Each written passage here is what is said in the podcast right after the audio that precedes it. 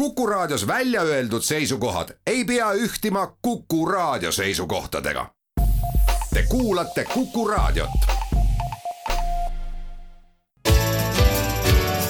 keskpäevatund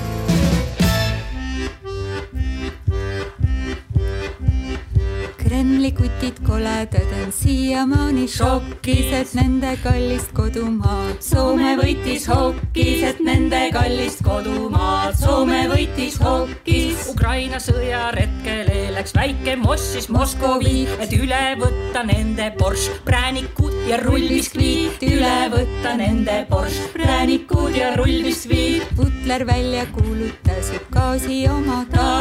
see ei ole sõda, vaid eri erioperatsia, see ei ole sõda, vaid erioperatsia. Ukraina häirib tema und, ta oodata ei tihka, laseb tule avada tuumajaama pihta, laseb tule avada tuumajaama pihta. varsti nagu enne muiste viimse päeva reedel. Okupandid helendavad Tšernobõli teedel, okupandid helendavad Tšernobõli teedel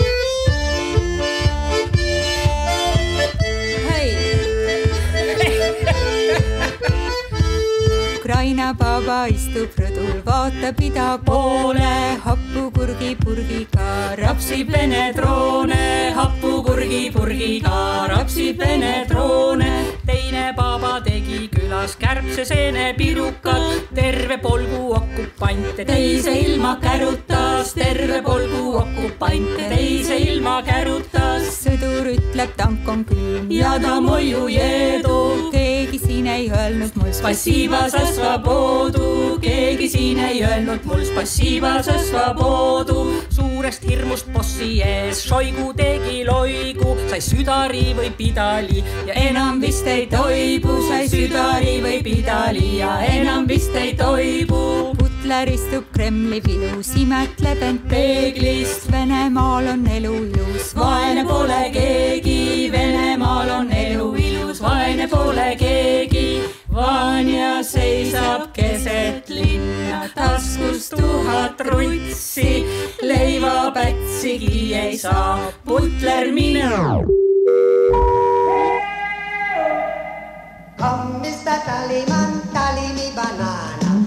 uudiseid koduvabariigist. tere, siin on Kuku raadio ja Keskpäevatund, Tallinna stuudios Ainar Ruussaar, Marek Strandberg ja Priit Hõbemägi sellise lõbusa laulukesega alustasime siis oma tänast saadet, esitajaks Naised köögis Kristiina Ehini juhtimisel ja loo nimi on Sõjapäevik ja ma võin teile kinnitada, et see lugu kestab veel pikalt, aga me tahtsime ise rääkima hakata ja võtsime naistelt sõna ära, mis muidugi ei ole sugugi ilus tegu, aga küll me veel jõuame sel teemal ka rääkida. see nädal on olnud väga töine kõikvõimalike kontaktide poolest, mis on siis loodud ja mida, mis teid mööda on käidud Eesti ja Poola Eesti ja Eesti, Läti, Leedu ja Poola presidendid käisid Ukrainat toetamas ja Ukraina president Zelenskõi pidas kõne Eesti Vabariigi Riigikogule, nii et on, liikumist on olnud palju edasi-tagasi ja siis samal päeval, kui Ukraina president pidas Riigikogule kõne ja ütles, et on toetuse eest siiralt tänulik ja rääkis ka seda, et Venemaa püü-, püüded viimase kaheksa aasta jooksul Ukrainat hõivata on teinud Euroopa julgeolekuga sedasama, mida kunagi tehti teiega, massiküüditamised, soov hävitada kõik, kes toetavad rahvuslikku ideed, praegu on üle viiesaja tuhande ukrainlase sunniviisiliselt ümber austatud. Ja tõepoolest nüüd äh, on juba tehtud ka mitmeid selliseid analüüse, et mida ja kuidas siis äh, Ukraina president Euroopa riigipeadele räägib, tal on tihtipeale ühes päevas kolm videopöördumist erinevate riikide parlamentide poole ja ta on väga väga täpselt ja osavalt üles ehitanud need kõned, rääkides nendes kõnedes just nimelt nendest punktidest, mis kohalikele, kohalike elanike seaduslikult volitatud esindajatele on kõige paremini arusaadavamad, et üks küsimus ongi selles, et miks Eesti puhul räägiti küüditamisest ja miks üldse Eesti, Läti, Leedu ja Poola nii hästi nagu paistab, mõistavad siis Ukraina olukorda, sest et midagi sarnast, mis juhtub praegu Ukrainas, on juhtunud ka nendes riikides, et see mõistmise tase on hoopis teistsugune. no enamgi veel, see, mis toimub täna Ukrainas, on üsna nibin-nabin ju niivõrd lähedal meile ja kui me vaatame Ukrainat ja Eestit, siis Ukrainas, kus on ikkagi kõvasti maad ja ruumi, et taganeda, et parandada oma positsiooni, Eestis seda ei ole, ehk et kui püüaksimegi ette kujutada samalaadset konflikti idanaabriga siin, siis oleks meie jaoks oluliselt pingelisem ja raske öelda, milliste vahenditega me sellega toime tuleksime. ja loomulikult Eesti jaoks tähendab see seda, mis on ka nüüd viimase mitme nädala või kuugi jooksul ju aina rohkem arutluse all olnud, et see, millisel moel me ennast kaitsma peame, ilmselt äh, see kontseptsioon ja arusaam muutub väga kiiresti ja ulatuslikult ja need relvasüsteemid, nende kasutama õpetamine, mida meil vaja on, noh vaadates kas või seda, kuidas ukrainlased omaenda toodetud, küll jah, ameeriklaste harpuunraketi nii-öelda moel teisel koopia põhjal eh, lasid üsna olulise laeva põhja, siis tegelikult meil terendab ees täpselt samasugune asi, mitte ainult ostmine, vaid oma relvasüsteemide ehitamine ja see on üsna selline mahukas tegevus, loomulikult ka mahukas majandus. see kontseptsioon, kaitsekontseptsioon ja relvaostu kontseptsioon on viiekümne päeva jooksul päris korralikult muutunud. ja, ja pigem tõepoolest muutunud tõrjerelvastuse suunas. aga ei saa paraku nime öelda, aga üks kõrge, väga kõrge Eesti Eesti ohvitser ütles mulle, et äh, üks asi on nüüd kahe silma vahele jäänud, et äh, see tuleks nüüd kahe silma vahele tagasi võtta, on see, et me võime osta moodsaid tõrvi, tõrjerelvi ja seda tuleb teha, aga me ei tohi ära unustada seda, et panustada tuleb ka nendesse meestesse, poistesse, kes nende relvadega ümber oskavad käia, ehk siis äh,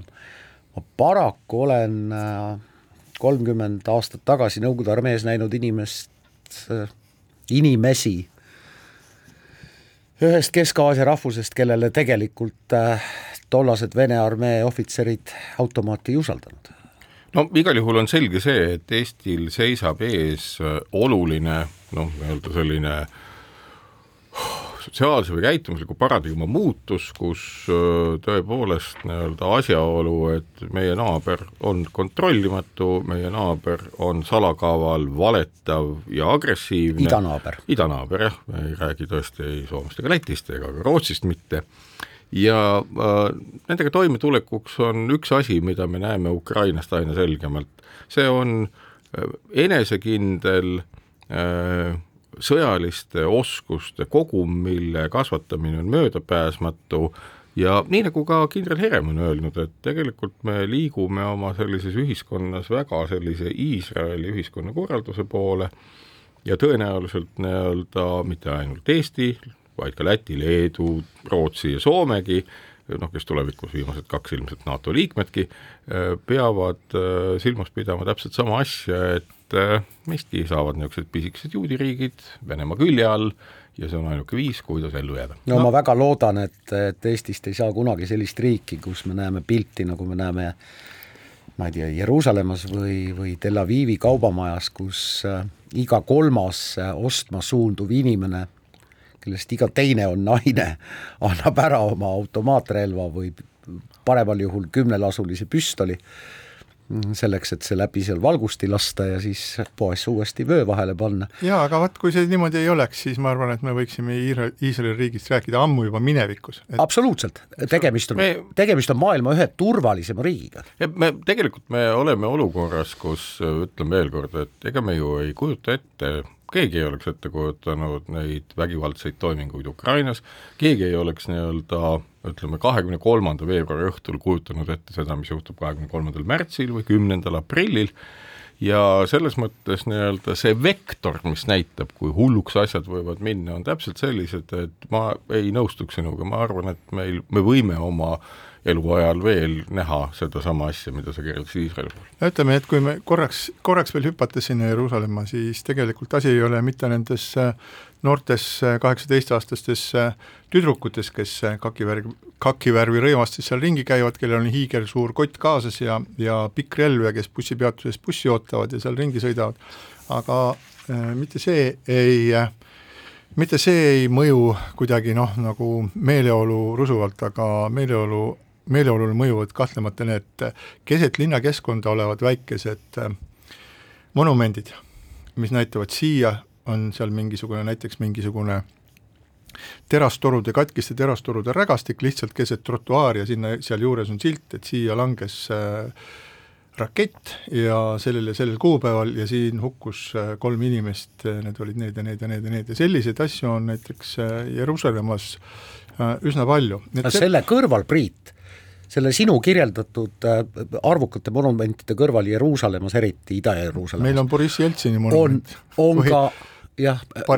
jah, ja Abramovitš on sinna kullast kuju pannud, aga seal kõrval on sildid, mis näitavad väga selgelt pommivarjend, pommivarjend. No pommivarjenditega, nagu me nüüd oleme kuulnud, hakatakse siis ähm, tegelema, et äh, mõeldes ja tõepoolest, nagu tihti Eestis on, ma olen pannud tähele nii päästeteenistuse kui mitmesuguste muude asjade arendamisega, tuleb ühel päeval keegi, keegi ametnik lavale, kes ütleb, et ähm, kõige parem, kui te tegelete selle küsimusega ise, kaevate endale mingisugused augukesed, vaatate endale korrusmaja keldrisse, soovitati minna, kindlasti see on täitsa hea, lootuses, et viiskümmend aastat vanad majad siis purutuse peale kokku ei varise, aga põhimõtteliselt on ju õige see, et need varjendid on enamused äh, mõeldud nagu mööda maapinda lendavate kildude eest kaitseks, nii et igasugune auk või lohk või mis iganes, mis on maapinnast madalamal, et äh, kildudest ka kaitseb, aga mul on hea meel, et lõpuks räägitakse ka sellest, et pommivarjendeid, pommivarjenditega tuleb tegelema hakata, et Tallinna linn tegeleb nendega niimoodi, et siis hakatakse kaardistama, kuhu oleks võimalik kedagi paigutada. Ja ma, minu meelest on nagu uskumatult sellised küünilised on need äh, need ametnikud, kes ju, kes ütlevad välja, et ei no ega me nüüd siin mingisugust, me ei saa siin hakata mingisuguseid varjendeid ehitama, ühesõnaga, et meil on nagu on ja siis püüdke sellega elada või siis sulgudesse võid panna siis, et jaa, selliste, selliste ametnikega, kelle ükskõiksus või külm kõht haigutab nii-öelda kõigi nähes äh, kontekstis, kus nii-öelda see julgeolekukriis, see sõjaoht, täna me võime ikkagi rääkida Eesti puhul sõjaohust, et noh, see rahustamine, et ei, Eestit ei ohusta sõda, on ikkagi äh, ma arvan, niisugune pinnapealne lorijutt ja, ja selles kontekstis tuleb toimida hoopis teistmoodi. Ja see pilt, mida me tõenäoliselt, kui me tuleme veel kord juudi riigi juurde tagasi, Iisraeli juurde, siis ja ma arvan, et see, mida meiegi nägema hakkame, on ikkagi täpselt sama lugu, nagu nemadki kaitsevad oma õhuruumi, mida me püüame tegema hakkama ka väga jõuliselt. Ja nagu sealgi, iga mõne maa tagant on üles pandud õhutõrjepatareid, mis on nii-öelda tänavate ja teede kõrval, ja ilmselt täpselt samasugune tulevik ootab ka meid, kahjuks ei ole see naaberriik äh, mitte üheski aspektis tegelikult pole ta kunagi olnudki, aga keegi ei ole meid uskunud äh, nagu selline, et me võiksime nagu julgelt äh, ennast öelda, et noh, me oleme ikkagi rahumeelsed. juudi riigis on muidugi veel väga mitmes kohas näha väga võimsat arhitektuuri, mida meie eesti keeles nimetame müüriks. reaalselt kümneid kilomeetreid pikad müürid vaenuliku territooriumi ja Iisraeli riigi vahel. nojah, meil on äh, esialgu natukene probleeme selle selle okastraadi laotamisega Eesti ja Vene piiri peale, Äh, praegu on ka tähelepanu kandunud juba mujale, kui me korraks vaatame, siis vaatame üle lahe, siis see, et Soome ja Rootsi on tõenäoliselt siis äh, astumas NATO-sse, tähendab seda, et seda auku siia vahepeale ei jää. Soomet, Soome jaoks on see oluline sellepärast, et nad ei jää üheks selliseks auguks NATO müüris.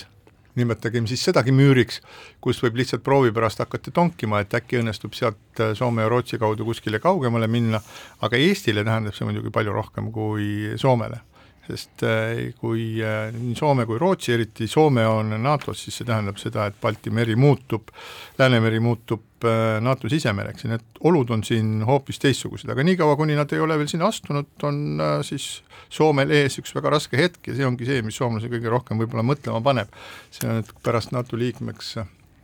astumisavalduse esitamist, läheb tõenäoliselt kolm või neli kuud, mille jooksul Soome ei ole veel NATO liige, et ta sinna võetakse, selles ei ole mitte mingisugust kahtlust, kuid selle aja jooksul on võimalik võimalikud mitmesugused provokatsioonid ja oluline on just nimelt see, et selleks, et millised garantiid saab siis Soome Vabariik selleks ajaks, mil nad ei ole veel NATO liige, artikkel viis nende puhul ei, ei toimi, aga nad on juba esitanud oma siis avalduse, aga läheme koduste asjade juurde ja meil oli siin äh, kõige suuremat vastukaja, vastukaja äh, siis sel nädalal peale presi-, Ukraina presidendi Zelenski esinemise on endaga kaasa toonud äh, Mart Helme, Eesti Konservatiivse Rahvaerakonna aseesimehe esinemine, esinemine Riigikogus ja see toimus siis välismaalaste seaduse kõrghariduse seaduse muutumise, muutmise eelnõu esimesel lugemisel ja nüüd ma loen ette selle variandi, mida min-, mida minu kõrvad oleksid tahtnud Mart Helme suust kuulata. see tsitaat oleks võinud kõlada niimoodi. endise Eesti Vabariigi siseministrina panen kõigile Riigikogu liikmetele südamele, et siia Ukrainast sõja eest põgenema pidanud Ukraina naisi varitseb oht, et inimkaubitsejad poevad neile külje alla, püüavad neid orjastada ja tõp- ja meelitada prostitutsiooniga tegelema. Eesti Vabariigi valitsusel, korrakaitsel tuleb võtta tarvitusele kõik vahendid, et midagi sellist ei saaks juhtuda. see on see, kuidas mina oleksin tahtnud seda kuulata ja nüüd ma loen ette, kuidas tegelikult kõlas siis Mart Helme tsitaat, mida ta ütles äh, siia saabunud Ukraina äh, sõjapõgenike naiste kohta, tsiteerin Need naised, noored naised, me ei tea, mida nad siin tegema hakkavad, võib-olla sajad, tuhanded naised nendest hakkavad prostitutsiooniga tegelema. kes võtab mürki ja ütleb, et see nii ei lähe, küsis Helme Riigikogult, tsitaadi lõpp, Postimehest. kaks, üks võimalik tsitaat ja teine reaalne tsitaat ja vahe on mäekõrgune. jah, vaatasin ka stenogrammi Mart Helme rääkis ka sellest, kuidas meeletult tuuakse sisse nakkushaigusi, millele kohe reageeris Eesti Terviseamet ja ütles, et nad ei ole viimase kuu aja jooksul nakkushaiguste leviku tõusu tähele pannud. ma saan aru, et te tahate nüüd mehed omavahel hakata Helmest rääkima aga taha, mina ütlen, et mina ei taha sellest üldse rääkida, ma ei taha, et see inimene saaks tähelepanu, ma ei taha, et see pa-, et see erakond saaks läbi selliste avalduste tähelepanu. Äh, jah, ma, ma tahan mulle, mulle, mulle, mulle absoluutselt ei meeldi, et parlamendisaalis kõlavad sellised väited, ehkki parlamendisaadik on muidugi vaba ütlema, mida ta on. tahab. ma tahan lihtsalt öelda seda, et nimesid nimetamata äh, Priit oli ainuke, et äh, tegelikult see ongi meetod, me peame rõhutama alati, et see on meetod tähelepanu saamiseks, see on lollikindel meetod tähelepanu saamiseks, see on, see on, see on see, kui lüüa kuhugi valusasse kohta ja keegi ütleb oi ja öelda, et näete, me saavutasime reaktsiooni. Ja see meetod on õpitud, seda meetodit kasutatakse nullides ära kõikvõimalikud eetilised ja moraalsed aspektid. Ja tegelikult see, selle meetodi kasutamine igal juhul tähelepanu saamiseks loomulikult nii-öelda toimib. Ja noh, nii-öelda natukene ka siin, eks ole, me räägime sellest ja iseenesest äh, sellest äh, mitte rääkida ka ei õnnestu, kuna need sõnumid haavavad väga paljusid inimesi, aga lõppkokkuvõttes on selge, see on jäle, sellise inimese äh, toetamine sellisele inimesele, kes selliseid nii-öelda sõnu kasutab ja sellist mõtet kasutab, see on kogu aeg jäle olnud. Ja nüüdses kontekstis noh, nii-öelda aina enam saab selgeks, et tegelikult seesama rütm, mida on pakkunud öö, kõnealused inimesed oma sõnumitega, ega nad väga ei erine sellest, mida, mida nii-öelda, millises taktis võngub Kreml. ja, ja noh, põhimõtteliselt ma kujutan ette, et noh, ma loodan, et see on aja küsimus, kui Kaitsepolitsei aastaraamatus me loeme ka teatud nii-öelda sünkroonsusprotsesside kohta, mis nii Eestis kui kui Venemaal on toimunud teatud sõnumite osas. Ja noh, sõnumite analüüs ei ole tänasel päeval ju enam mingisugune keeruline valdkond, Priit võib ilmselt kinnitada, et tehisintellekt, kui piisavalt palju nii-öelda algandmeid anda, võib need nii-öelda sarnasusmustrid ju välja tuua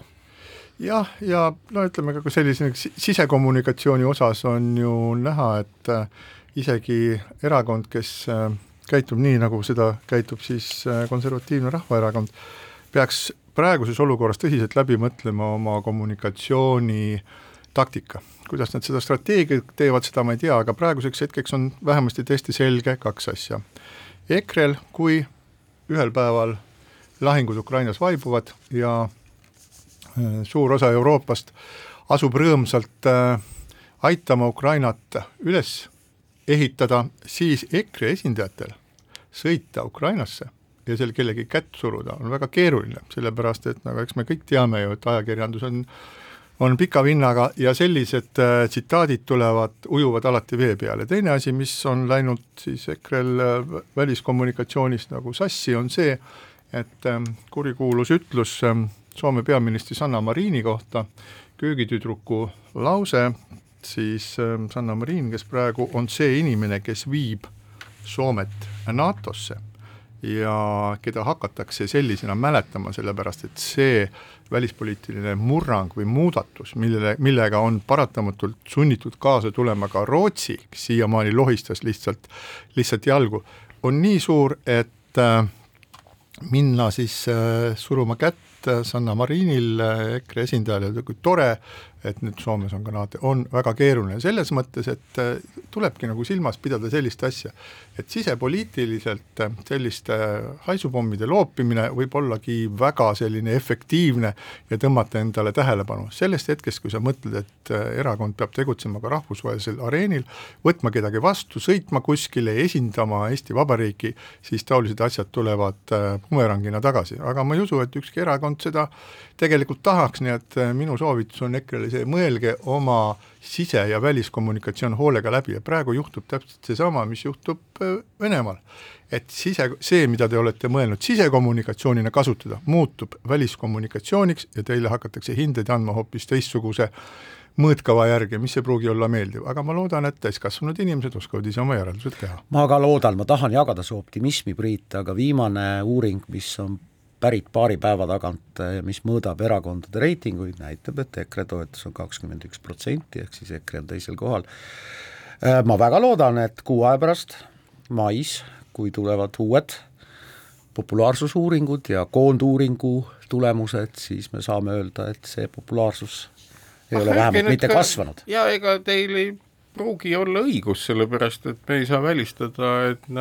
inimesi, kes sellisel moel mõtlevad, ongi ka Eestis üsna palju. nii et äh, selles osas nad ju esindavadki kedagi ja iseenesest need erakondade populaarsusuuringud, nii nagu nende erakondade toetajate leigus kõikvõimalike jõhkrate väljaütlemiste suhtes, näitab meile ka peeglis seda, kes me ise oleme. kes te olete, härra Strandberg? mina olen, mina endine rohe, endine Roheliste erakonna juht. endine Roheliste erakonna juht, millest ma suurt midagi enam ei mäleta ja ja, ja nii ongi, aga jah, äh, need on need nii-öelda jõujooned, mis välja tulevad ja noh, ega see ongi, et me saame teada mitte ainult oma venekeelsete ja Georgi lintidega ringi käivate kaugemate naabrite kohta, kes ka siin Eestis on, vaid me saame teada ka täitsa nii-öelda eestikeelsete äh, lähemate naabrite kohta, et neid on umbes viiendik ühiskonnast, kes sellelaadseid Helme-Mardi plärtsutusi nagu ka toetavad ja arvavad, et no ja, asjad ongi nii. ütleme nii, et eh, Helme või mitte Helme, see on mõtteviisi kandjad ja palju, aga see, ma monitoorin ka nii-öelda kas või Facebooki vahendusel sellist, ehm, seda, seda sorti lahti mõtlevate inimeste seas valitsevaid meeleolusid ja mina olen tähele pannud muide ühte asja. ja see on see, et ähm, selline on suhteliselt äh, äh, radikaal-isamaaliselt meelestatud inimeste hulgas see tsitaat tõi sisse ühe lõhe. ja see lõhe on siis nagu see, üks seltskond, kes ütleb, et jah, just nimelt, et ähm, niimoodi tulebki käituda, et niimoodi tulebki öelda ja teised ütlevad, et teised ütlevad nii ja see, see on selline meeste et see on selline meeste seltskond, kes selliseid asju seal arutavad, ütlevad, kuulge, mida iganes, aga härrasmehelikkust kaotada ei tohi. Ja siit läheb nagu, osade jaoks läheb siit nagu selline äh, selge veelahe, et äh, sa võid olla käre, sa võid öelda seda, teist, kolmandat, aga sa pead jääma härrasmeheks, kui sa ei ole härrasmeheks jäänud, siis sa oled tibla, vant, punkt. ja siinkohal väike paus. keskpäevatund.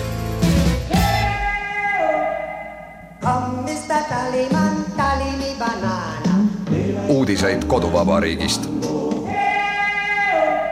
keskpäevatund jätkab, Ainar Ruussaar, Marek Strandberg ja Priit Hõbemägi Kuku raadio stuudios, Tallinnas paistab päike ja räägime edasi teemadel, mis meid kõiki puudutavad ja käima tõmbavad. Möödunud nädalal panin ma Facebooki ühe postituse, kus küsisin nagu ütleme natuke rumalalt, et kes küll korraldaks Saksa saatkonna ees meeleavalduse, olin nimelt äh, üsna häiritud sellest, et ähm, Saksamaa hoidis ikka endiselt kinni nii-öelda hinge, selle asemel, et tõtata, tõtata appi Ukraina raskete relvadega, noh tänaseks on teada, et mitu miljardit eurot on selleks juba eraldatud, aga mitte veel siis ja ei läinudki rohkem mööda kui üks päev, et kui siis Vene saatkonna ees oli tähelepanuväärne meeleavaldus, mis oli suunatud siis äh, Äh, tähelepanu juhtimiseks sellele, milliseid võikaid äh, seksuaalkuritegusid teevad Vene sõdurid, sooritavad siis ähm, Ukrainas vallutatud aladel, et ei hakka graafiliselt seda kõike kirjeldama, aga seisis siis seal rida naisi ja nende välimusest oli selge aru saada, et neid oleks just nii-öelda, just nagu vägistatud. Ja see oli erakordselt võimas, erakordselt noh, terane ja läbitungiv äh, selline aktsioon, samal ajal toimus teine aktsioon siis ka mm, Saksa saatkonna ees, kus siis ähm, seal lebasid maas inimesed, käed selja taha seotud ja kotid peas, mis siis äh, nii-öelda tuletasid meelde neid süütult tapetuid mehi, kes äh, Butšas Vene kuritegelike värdjate käe läbi oma elu olid jätnud, nii et äh, minu selline hale hüüatus, et kes midagi teeks, eks ole äh,, Äh, tegelikult inimesed olid olemas, kes tegid ja tegid nii, nagu ma ei oleks kunagi seda osanud endale ette kujutada, nende äh, aktsiooni tegijate nimesid kahtlemata või mitte kahtlemata, et neid ei ole teada ja võib-olla see ongi parem, et neid, et ähm, igasugu pro probleemide eest neid äh, kõrvale hoida, aga muuhulgas tehti siis ka üks selline protestiaktsioon, et neljapäeval äh, märgati Toompeal, et et parlamendihoone vastas Nevski katedraali seintele on punase värviga maalitud sõnad Ukraina veri, Butša, lisatud piiblisalmi viide esimesele Moose raamatule, Kaini ja Aabeli loole, täpsemalt siis kirja kohale. ja tema ütles, mis sa oled teinud, sinu venna, sinu, sinu, sinu venna vere hääl kisendab maa pealt minu poole jah, vot äh, minul tekkis ka küsimus äh, eelkõige pärast seda kiriku seinale tehtud graffitit, et äh, maailm on küll muutunud jah, ja me oleme varvast pidi sõjas, aga kas me saame kusagile, kuhugi vedada piiri, eh, kus selline protest ei ole enam noh, eetiliselt või moraalselt õigustatud. mina seda, ma tunnistan kuulajale, mina seda piiri täna vedada ei oska, ehk siis noh, minu jaoks see piir läheb võib-olla läbi mingisuguste avalikus ruumis suurte tähtedega kirjutatud roppuste, aga ühes mitte-eestikeelses, keelsel plakatil ma näen neid roppusi Vene saatkonna ees ju kogu aeg. vot siin ongi nagu seesama küsimus, et äh, me oleme küll jõudnud seadustähega nii kaugele, et äh, ütleme, et milliseid märke võib kasutada ja milliseid ei või kasutada. no see on niisugune kõhklema panev asi, sellepärast et loomulikult jah, keegi teeb Z-tähe ja aga keegi kirjutab lihtsalt midagi, kus on Z-täht sees ja see on kõik niisugune no mõnes mõttes ebaselge. nüüd meil on olemas äh, väga palju seadusi, kus ametnikele on antud kaalutlusõigus. noh, nad saavadki lihtsalt otsustada, küll mitte kõik need kaalutlusõigusega tehtud otsused on loomulikult ka kohtus vaidlustatavad ja noh, kuna ütleme, see kaalutlusõigus, noh, võiks nagu siis ütleme siis sellise mitte kriminaalõiguse ja kriminaaltegude, vaid ikkagi niisuguste tavaliste õigusrikkumiste kohta nii-öelda kehtida, siis ega ju sellest ei ole ju keeruline aru saada, mis on see motiiv või mis on see tahtlus ükskõik millise märgi või sõna kirjutamise taga. ja selles mõttes nii-öelda, kui see tahtlus on ikkagi agressiivne, kui see tahtlus on noh, nii-öelda antud juhul siis, mis meid ju kõige rohkem morjendab, nii-öelda naaberriigi sellise valitseva jäleduse nagu edasikandja siis ongi ju ametnikel võimalus ja tegelikult peakski olema õigus nii-öelda seda ka vastavalt käsitleda. Ehk et milliseid märke kirjutatakse, milliseid sõnu kirjutatakse, kuhu kohta kirjutatakse, see on nagu materiaalne küsimus, noh pärast tuleb ära puhastada. ei, see ei ole materiaalne ei, küsimus, Marek ma, Strandberg, kui ma, kui ma lähen ja seisan valdavalt venekeelse kooli ette pärast tundide lõppu ja hoian käes venekeelset plakatit, millele on kirjutatud tapjate lapsed, siis, siis ma arvan, et mind tuleks vangi panna no vot, see nüüd ongi seesama küsimus, et see ongi kaalutluse koht ja konteksti mis koht. kaalutluse Kaalutlus koht, kusagil läheb eetilise ja no, Priidu poolt viidatud härrasmehelikkuse piir. ja äh, vot me ei saa ju kõiki inimesi pidada härrasmeesteks ja me ei saa öelda, et äh, kõigil inimestel nii-öelda süütenöör peab olema väga pikk pärast neid vägistamisi ja tapmisi, mida kas oleme... inimene, kes läheb Tallinnas vene kooli ette sellise plakatiga, mida ma kirjeldan, õnneks seda ei ole toimunud kas see inimene väärib korralikku karistust? Mm,? kaalutletud karistust, kui üldse, ma ei oska seda öelda, selles mõttes, et äh, saage ometi aru, et äh, laias laastus on ikkagi see, et äh, kõik toimub enam-vähem samal ajal, midagi ei ole, midagi ei imbu välja kuu aega hiljem või kõik imbub kohe välja. Ja selles mõttes ega me ju teame, et meie ümber on ka täna inimesi, kes pooldavad meiega elab koos siinsamas riigis väga palju inimesi, kes pooldavad seda, mis Ukrainas toimub, kes usuvadki selle sisse, et Ukrainas vabastatakse maailma mingitest fašistidest ja denatsionalisee- või natsifitseeritakse. kahjuks küll, aga neid parandab ainult üks, äh, üks teine koht. kaks see... meetrit maa all no vot, nüüd oled sa nihukene, eks ole, et eh, keegi räägib plakatist, et eh, ja, ja, ja me näeme seda. Tegelikult nii-öelda see, mis reaalajas toimub, nõuab sekkumist aga seda ei saa nagu noh, et mismoodi me sekkume sellesse plakatiga inimesse, teda tuleb kaaluda. Ja, ja loomulikult ei ole see sünnis, kui me ütleme, et nii-öelda me sõnastame selle, et näiteks niisuguse põhjendamatu agressiooni nii-öelda jätkumine, et ei ole sünnis või midagi muud, see ongi seaduse küsimus, millised raamid luuakse neile inimestele, kes peavad kaalutletult neid sündmusi hindama ja vastavalt siis kas karistama või nii-öelda mõjutama. aga see viis, et me ütleme, et kui ta Z-tähe teed või võtad Georgi lindi, et see on juba manifestatsioon, see, see, see ei ole päris piisav. ja ma ei tea, kas seda tuleb üldse nii teha, sellepärast et me ju saame aru, kui inimene tuleb ja manifesteerib jälkuse jätkumist ja me saame aru ka sellest, et kui keegi ütleb, et ta ei poolda seda ja Priidu öeldult piire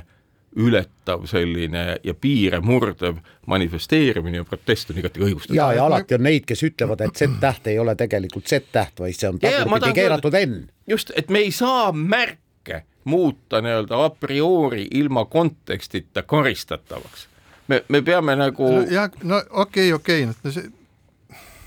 ma tuleks korraks tagasi nagu Tuleme. sümbolite juurest päris inimeste juurde, et me siin rääkisime sellest äh, rääkisime ütlustest Ukraina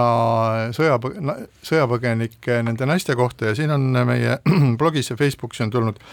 keegi Harri Reimand, Harri Reimand on kirjutanud, nii hea, et Ukraina naistel on kolm patrooni keskpäevatunnist, kes võtavad mürki, kui keegi neist naistest kuidagi prostitutsiooni ohvriks peaks langema, nüüd mul on,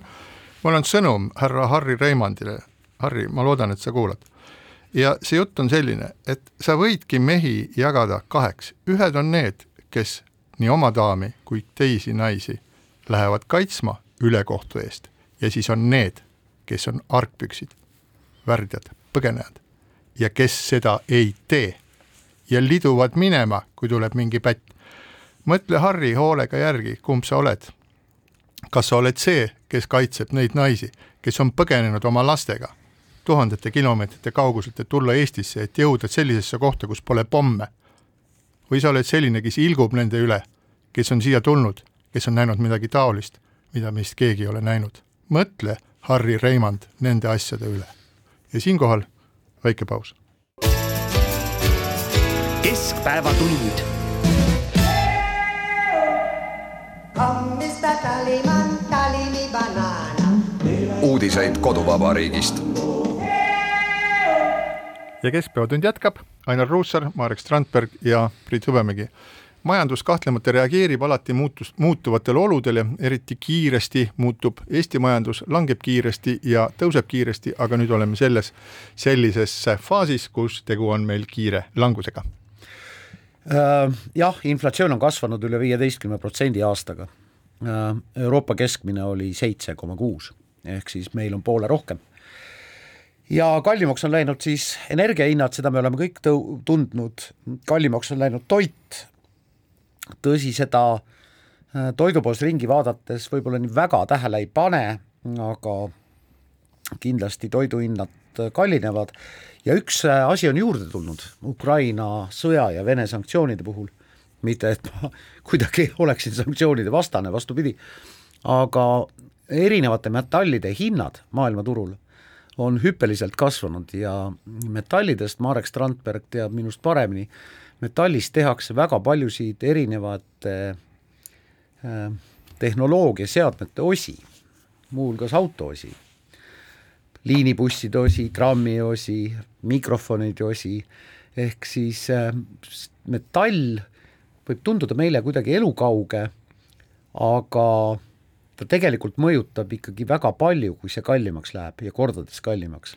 kogu meid ümbritsevat elu. Nii see on. Ja selles mõttes ega pisitasa on ju soovitusi antud, mida teha, eks, et äh, energia mõttes püüda toime tulla väiksema energiatarbega, et nii-öelda ka Venemaad tänasel hetkel, kui sealt ostukeelud ei ole aga veel... metalli ei saa vähem tarbida? saab ikka, metalli saab ka vähem tarbida, kõike saab vähem tarbida, see sõltub sellest, kuidas on asjad tehtud. et kui me ütleme niimoodi, et noh, auto keskmine eluiga täna on kolm või neli aastat ja siis tuleb uus osta ja uus toota ja nii edasi, nii edasi, ehk et me oleme suutelised tootma ka kestvamaid asju. see on nagu majanduse ülesehituse küsimus, et kiire tarbimine on ka metalli. sinu poolt mainitud kestvamad asjad on palju-palju kallimad jaa, aga me oleme täna olukorras, kus meie elu tänu sellele, et me näeme siinsamas tuhandekonna kilomeetri kaugusel meeletut sõda, on teinud meie elu nii riskantseks kui kalliks, ehk et me peame nagu kõik need asjad nii-öelda budžetti kokku panema ja tegema ühe koondarvepidamise ja vaatama, kui palju meie asjad on maksma läinud. ja selles mõttes, ega me oleme olukorras, noh, mida me tegema peame, eks inflatsioon on suur toodangut on meil vähe, noh, täpselt sama asi, et nüüd tuleb nagu jalad kõhu alt välja võtta ja vaadata, mida teha. tuleb tootma hakata, mida me toodaksime, et tegelikult on vastus ju olemas, ühtepeedi ütleb Riigikogu ja valitsus, et meil on vaja relvastuda, noh, mida me peame tegema, hakkame siis relvi tootma. Need on need asjad, mida me saame teha, mitte ainult enda jaoks, vaid Ukraina jaoks, ka müügiks, tegelikult me oleme täna juba olukorras, kus, kus, kus meile karjuvad näkku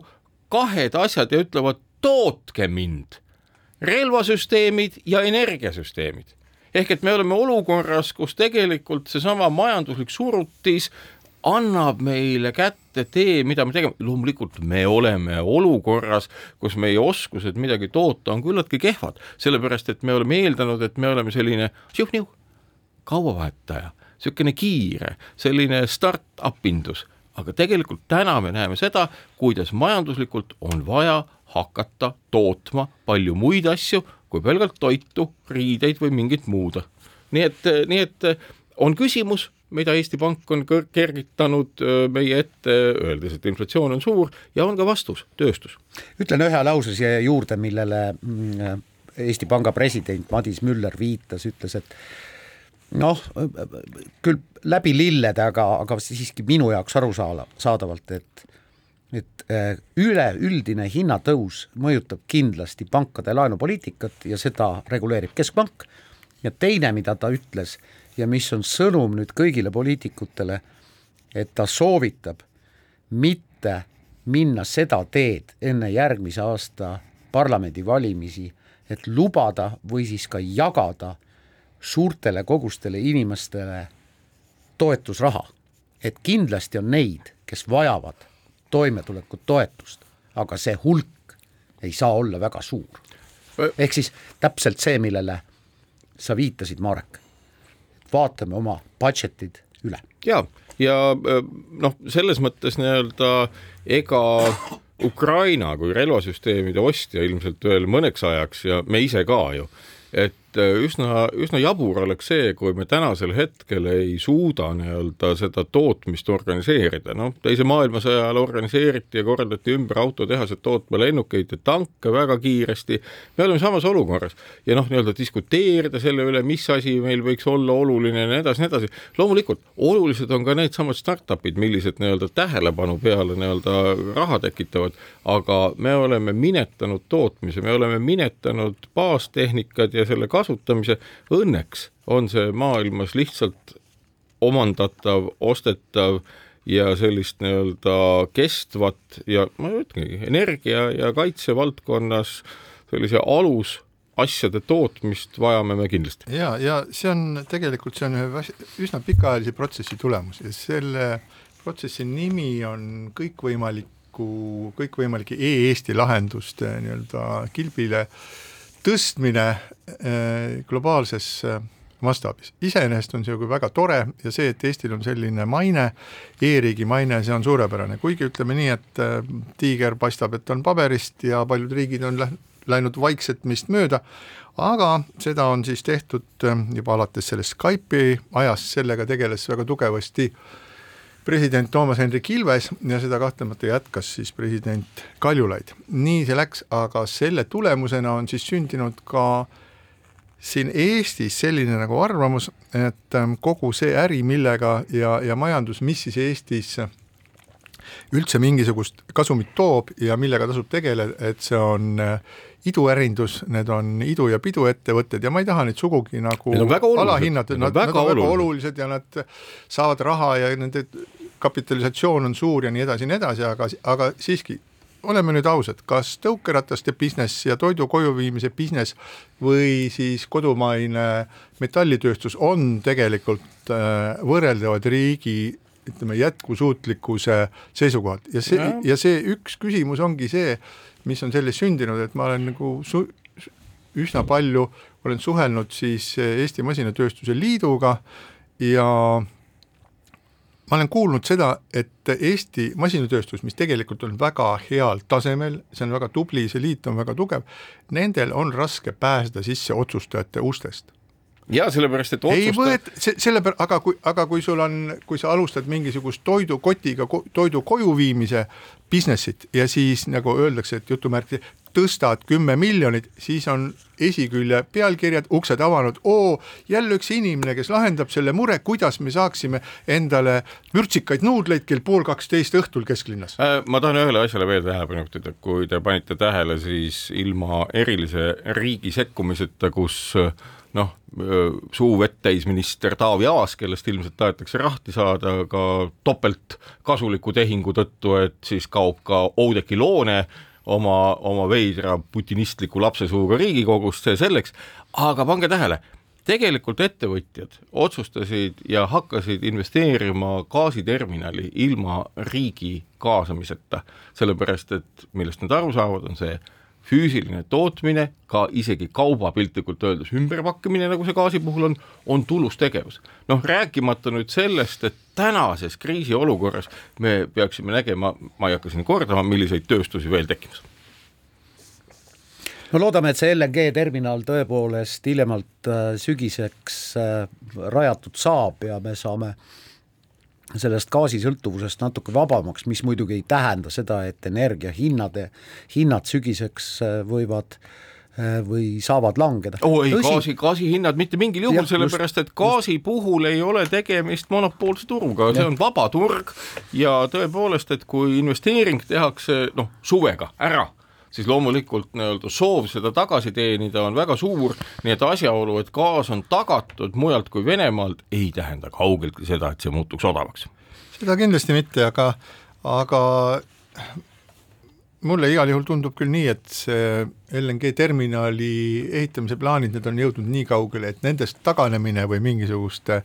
suurte komistuskivide tekkimine tähendaks niisugust erakordset häbi väga suures plaanis, meenutagem kas või sedagi, et Eesti Vabariigi valitsus on siis vastnud, võtnud vastu põhimõttelise otsuse ähm, Vene gaasist loobumise kohta. Ja nüüd, mida me siis oleme sel nädalal kuulnud, juba on üsna palju selliseid arutlusi siis ähm, ajakirjanduses ja ka poliitikute hulgas, et et ega need Vene gaasimolekule nüüd ka ei ole võimalik siin äh, taga ajada torustikes ja kuskil see Vene gaasimolekul ikka on, et nii palju võiks nüüd ikka aru saada, et selline otsus ei tähenda ju kui valitsus on vastu võtnud põhimõttelise otsuse, siis tähendab see seda, et selleks luuakse valmidus, on mingisugused investeeringud, ehitatakse midagi valmis ja siis nii-öelda lõpetatakse selle Vene gaasi kasutamine, mis pikas perspektiivis on täiesti selgelt Eesti julgeolekule erakordselt oluline, Eesti energiajulgeoleku jaoks erakordselt oluline asi. et ei ole võimalik meid šantažeerida, ma muidugi tahaks väga aru saada. ma, ma, ma lisan, Priit, äh, rõhutan seda, mida sa ütlesid, et, et tõepoolest kõigil oleks aru saada ma väga loodan, et otsus loobuda Vene gaasi kasutamisest tähendab seda, et ei tule aasta, kahe või kahekümne pärast otsus hakata seda uuesti kasutama. mis toimub kahekümne aasta pärast, no ütleme sellises maailmas, kus meie sündmuste horisont on sisuliselt vastu prilliklaase, kus, kus ei ole võimalik enam ette ennustada, mis tuleb, sellepärast et sündmused arenevad nii meeletu kiirusega ja arvutavad ennast nii-öelda ise välja, prognoosid on võimatud, et mis toimub kahekümne aasta pärast, ausalt öeldes ma ma ei, ma ei läheks sellisesse situatsiooni, et püüaks nagu ennustada, võib-olla on Venemaast selleks hetkeks saanud äh, demokraatlik riik ja ja müüb gaasi ja probleemid on lahendatud, aga võib-olla on seal üldse mingisugune must auk, võib-olla on ka väga paljudes teistes kohtades must auk, nii et me, me oleme, ma, ma tahan öelda ühte asja, mida ma olen pisitasa tähele pannud, me oleme olukorras, kus me peaksime nii palju, kui me suudame oma igapäevaellu puutuvaid asju depolitiseerima ja e, kontekst on milline, et meie laiemad probleemid, et kui Ukraina küsimused ja muud moel teisel lahenevad, ega see globaalne küsimus kliimaga untsumi läinud asjadest jääb ikkagi alles. ja seal on nii-öelda terve suur hulk küll jah, poliitilist otsustamist vajavaid asju, aga need on needsamad nii-öelda energiajulgeoleku ja mitte ainult energiajulgeoleku, vaid energia päritolu küsimused, mida me täna oleme unustamas. ehk et asjaolu, et me vahetame Vene fossiilse kütuse vastu, noh, ütleme Ameerika vedelgaasi vastu, on kliima mõttes ikkagi sama jama ja me oleme olukorras, kui nüüd ongi, et inflatsioon on suur, küsimus on selles, mida me tegema peame ja sellesama olukorra raames me mitte ei pea reanimeerima oma põlevkivitööstust, vaid tegelikult üles ehitama kogu uut energiasüsteemi nii kiiresti, kui saame. see on nagu kõikides suundades korraga jooksmine, mis antud hetkel on õigustatud, ei ole võimalik panna asju järjekorda, kõike tuleb teha. jah, tõepoolest, kõike tuleb teha ja sinu, lisaks sulle veel ma ütlen kasutades ära seda viimast sõna, ütlen, et minu lootus on siiski sellel, et põlevkivitööstus saab teha täna, seda saab teha tänapäevaselt süsihappega, süsihappegaasi, mis seal tekib, saab kinni püüda. kuhu? saab kinni püüda. kuhu? ma, kuule, doktor Strandberg, laske ma lõpetan sinna, kuhu vaja ja Eesti saaks oma, oma väga suured strateegilise, strateegilised julgeolekuvarud taas käsitlusele võtta. ja siinkohal täname teid täna kuulamast, veetke ilusat päikesepaistelist nädalavahetust, hoidke Eesti lippu kõrgel ja au Ukrainale. keskpäevatund